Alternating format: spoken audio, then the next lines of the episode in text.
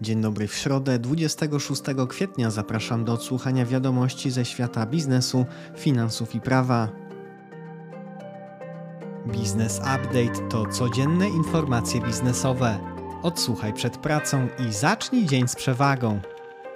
WIG20 spadł o ponad 1% do 1890 punktów. Akcje KGHM były najsłabsze wśród blue chipów, zamknęły notowania spadkiem o prawie 4%.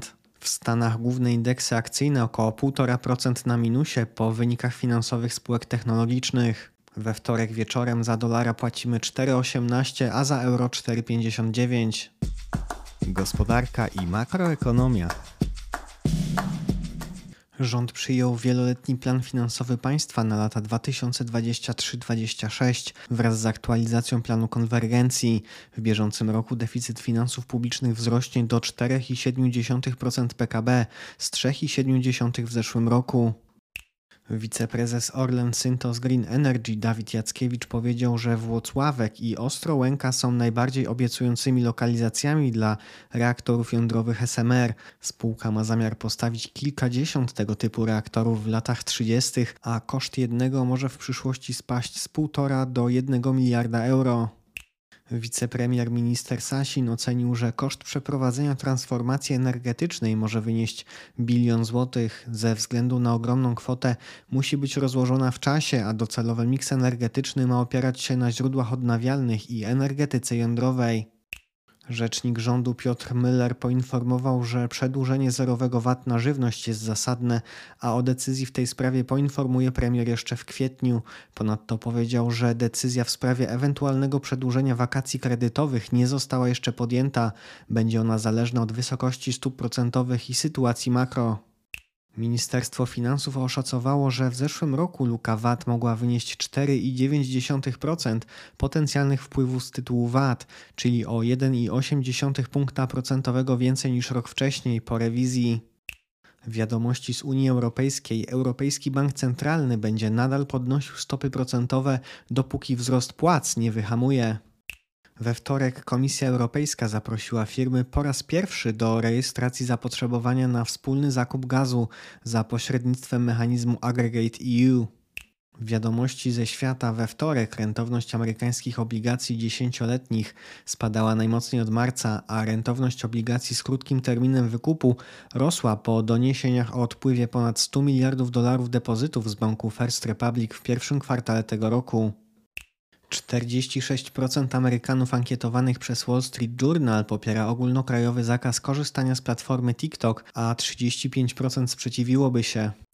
Prezydent Joe Biden oficjalnie ogłosił, że będzie ubiegał się o reelekcję w przyszłym roku. Informacje biznesowe.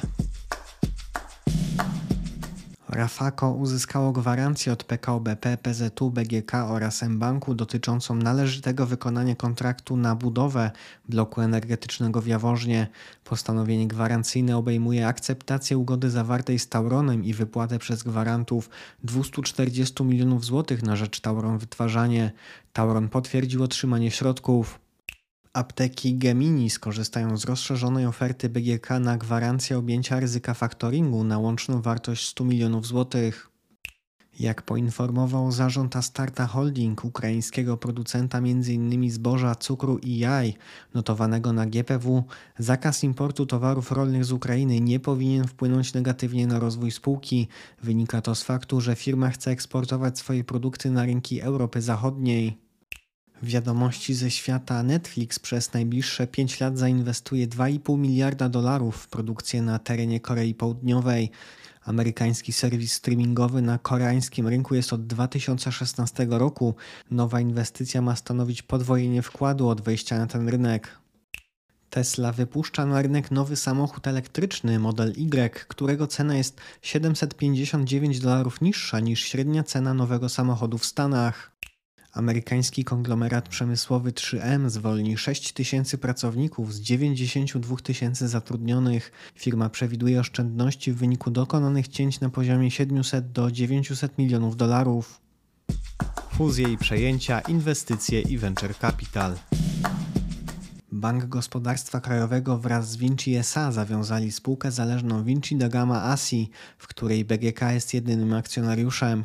Celem spółki posiadającej 4,5 miliona złotych kapitału zakładowego jest inwestowanie w projekty zagraniczne realizowane przez polskie przedsiębiorstwa.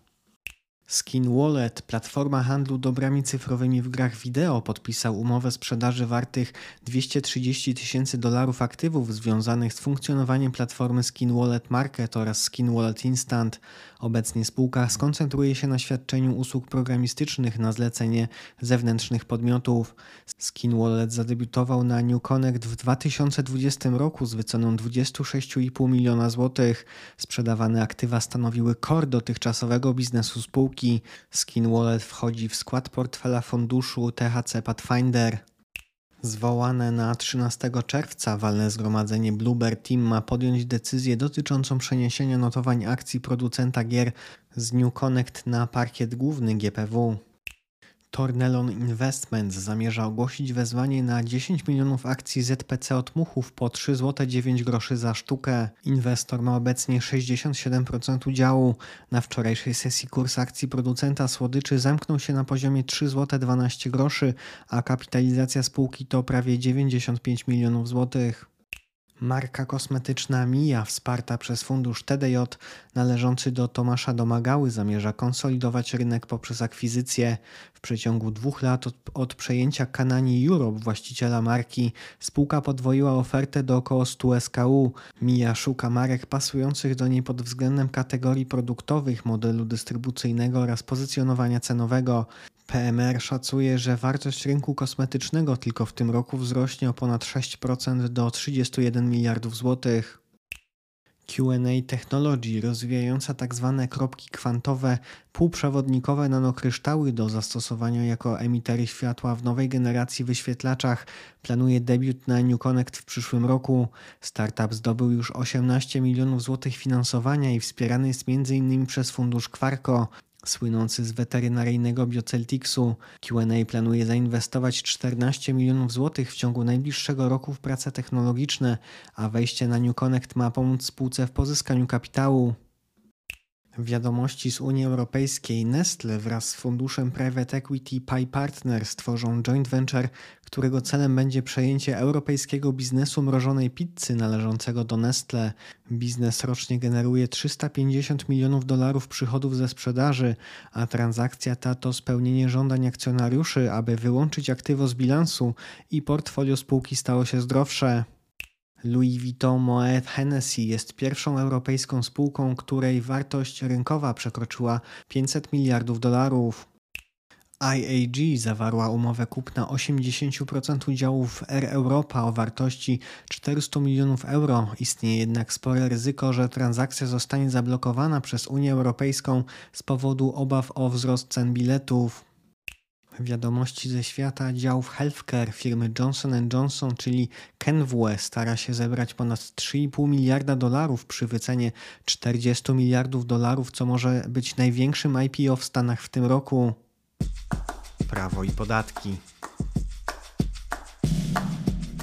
CBA zatrzymało 17 osób podejrzewanych o oszustwa finansowe na ponad 200 milionów złotych. Wobec sześciu zatrzymanych zastosowano tymczasowe aresztowanie. Zatrzymani to członkowie zarządów spółek działających w branży obrotu nieruchomościami na terenie województwa dolnośląskiego, mazowieckiego i łódzkiego. Proceder miał polegać na wprowadzaniu do obrotu nieruchomościami pieniędzy ze spółek oraz dokonanych przestępstw. W sprawę prawdopodobnie zamieszany jest notariusz. CBA zatrzymało cztery osoby w związku z nieprawidłowościami w wydawaniu decyzji administracyjnych dotyczących realizacji inwestycji budowlanych w dusznikach zdroju. Wśród zatrzymanych jest znany przedsiębiorca działający w branży hotelarskiej w Karkonoszach i wysoki rangą urzędnik samorządowy. Zawiadomienie do prokuratury złożył prezes SKO w Wałbrzychu.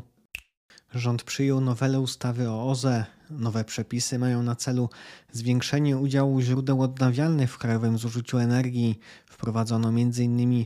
rozwiązania dotyczące ułatwień w budowie instalacji do wytwarzania biometanu. Wytwórcy biometanu z biogazu lub biogazu rolniczego będą mogli prowadzić w tym zakresie działalność gospodarczą i korzystać z systemu wsparcia określonego w ustawie. Nowela kodeksu pracy zwiększająca wymiar urlopów dla pracowników posiadających dzieci zaczyna obowiązywać od dzisiaj.